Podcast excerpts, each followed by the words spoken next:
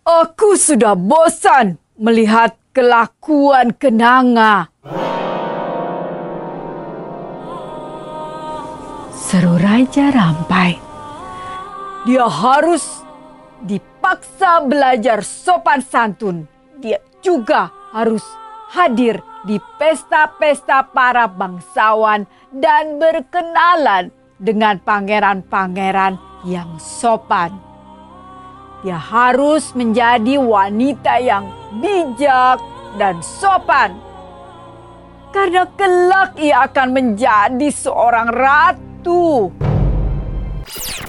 Apa iya definisi perempuan cantik itu hanya dari fisiknya semata?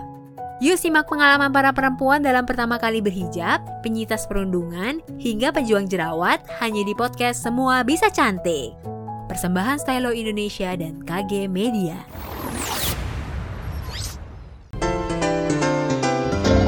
Dongeng pilihan orang tua. Bobo yang selalu riang gembira Mengajak kita semua. Tamasya ke alam penuh warna. La la la la la la Bobo teman bermain dan belajar. Beo beo bobo. Halo, kembali bersama Kak Kali ini Kak Lucy akan membawakan sebuah dongeng dari majalah Bobo. Judulnya Putri Kenanga dan Pembuat Kue. Kita dengarkan dongengnya bersama-sama ya.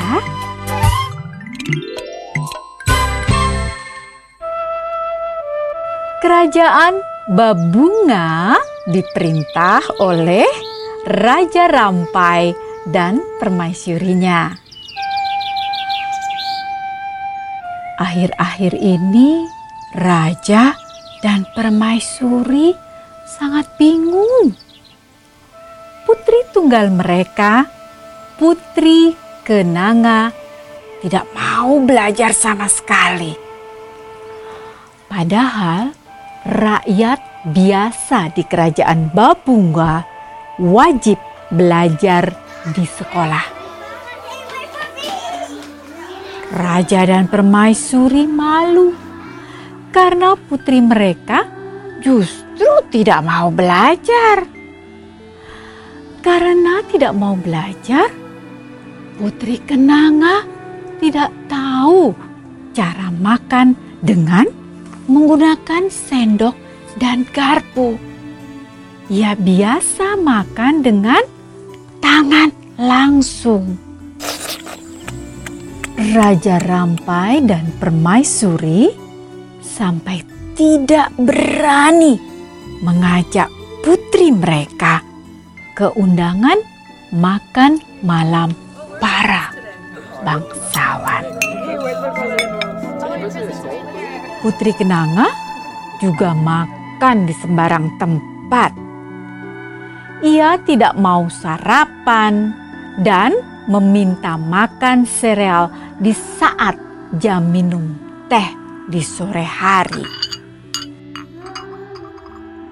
Ia juga suka berlari ke jalan di saat hujan turun dengan telanjang kaki. Hari demi hari berlalu. Kini Putri Kenanga sudah berusia 18 tahun. Raja Rampai mulai tidak sabar melihat kelakuan putrinya. Aku sudah bosan melihat kelakuan kenanga. Seru Raja Rampai. Dia harus dipaksa belajar sopan santun. Dia juga harus hadir di pesta-pesta para bangsawan dan berkenalan dengan pangeran-pangeran yang sopan. Dia harus menjadi wanita yang bijak dan sopan. Karena kelak ia akan menjadi seorang ratu. kata Raja Rampai. Akan tetapi, Putri Kenanga tidak suka pada pangeran mana pun yang diperkenalkan padanya.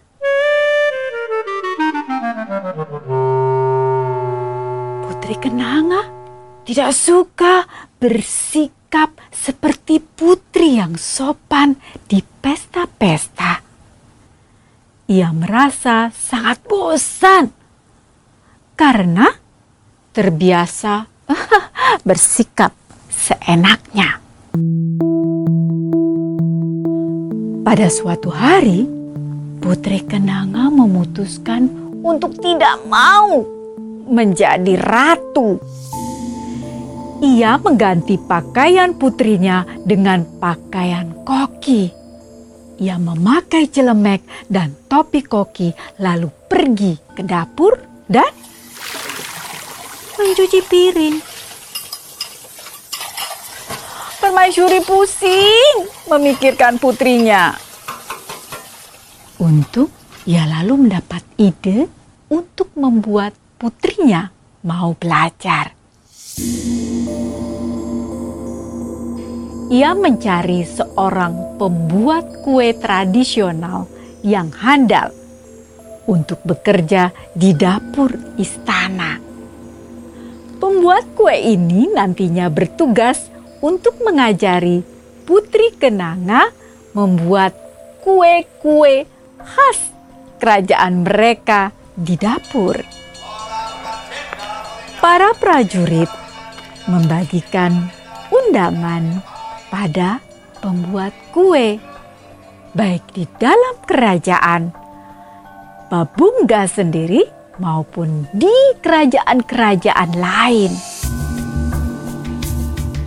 Siapa yang bisa membuat kue tradisional yang paling enak akan diangkat menjadi pembuat kue kerajaan Babungga.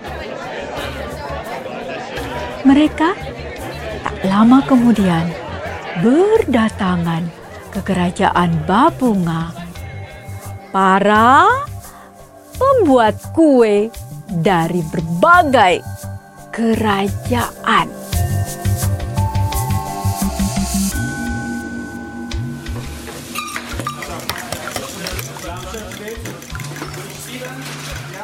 Raja dan permaisuri mencicipi rasa kue-kue tradisional buatan mereka masing-masing.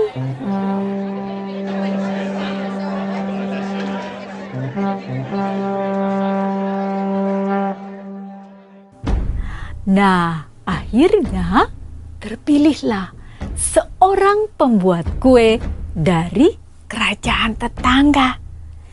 Ia seorang pemuda bernama La Lampa.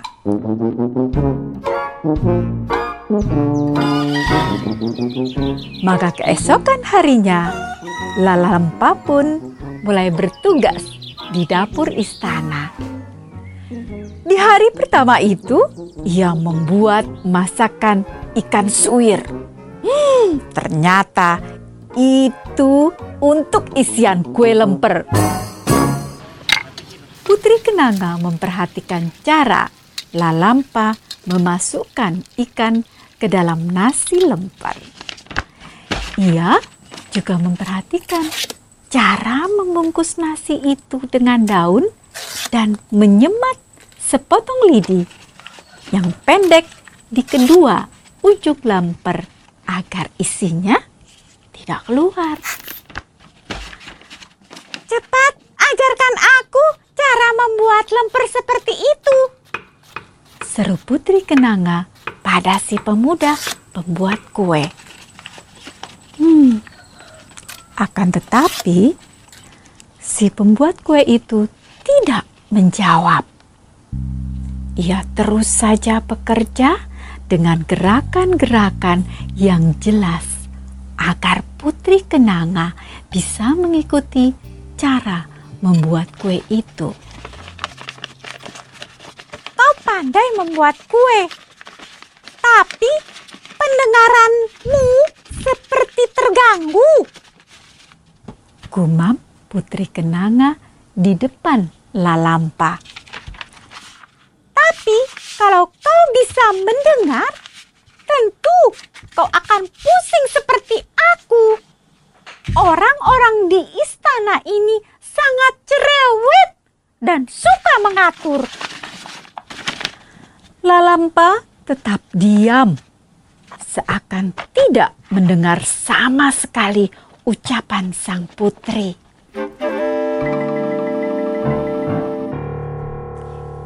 Keesokan harinya, Lalampa membuat kue ku berwarna merah indah.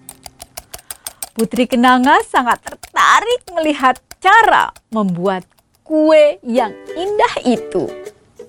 Maka ia pun membantu Lalampa dengan sigap.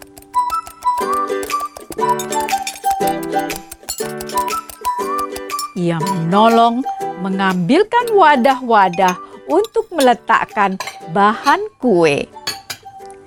Ia juga membantu merapikan semua barang saat selesai memasak. Suatu hari, Lalampa membuat kue lemper yang agak besar.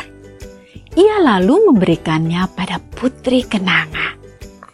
Ia memberi isyarat agar Putri Kenanga segera memakannya. Maka Putri Kenanga pun membuka daun pembungkus lemper itu. Namun ternyata di dalamnya ada sehelai kertas kecil dengan tulisan. Bersikaplah seperti ratu, karena kau calon ratu. Kau akan menjadi ratu yang pandai membuat kue. Putri Kenanga sangat gembira membaca surat kecil itu. Sejak hari itu, sikap Putri Kenanga pun mulai berubah. Ia menjadi putri yang lebih sopan dan mau belajar banyak hal. Putri Kenanga dan Lalampa akhirnya menjadi akrab. Pada suatu hari, Putri Kenanga heran karena tidak menemukan Lalampa di dapur. Ketika sedang mencari Lalampa, para dayang datang memanggilnya untuk hadir di ruang utama istana.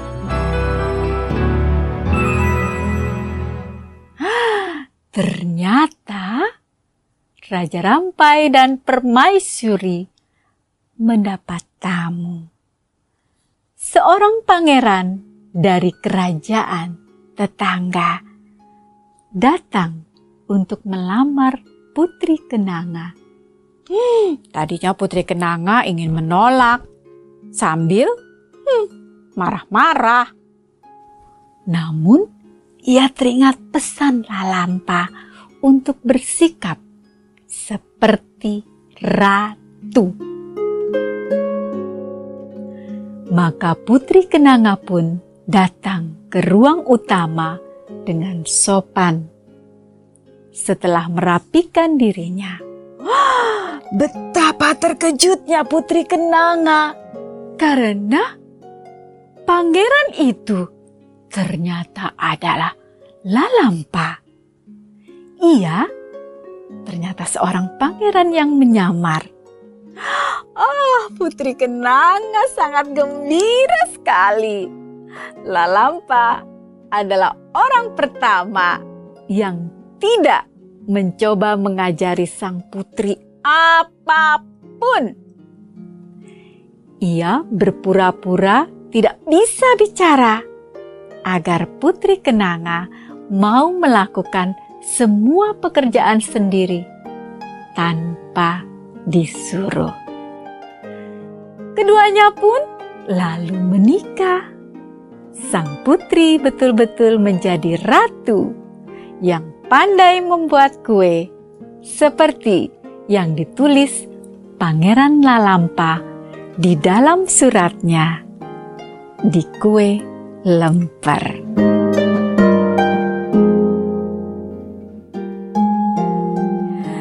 Nah, begitu dongeng kali ini. Apa ya pesannya?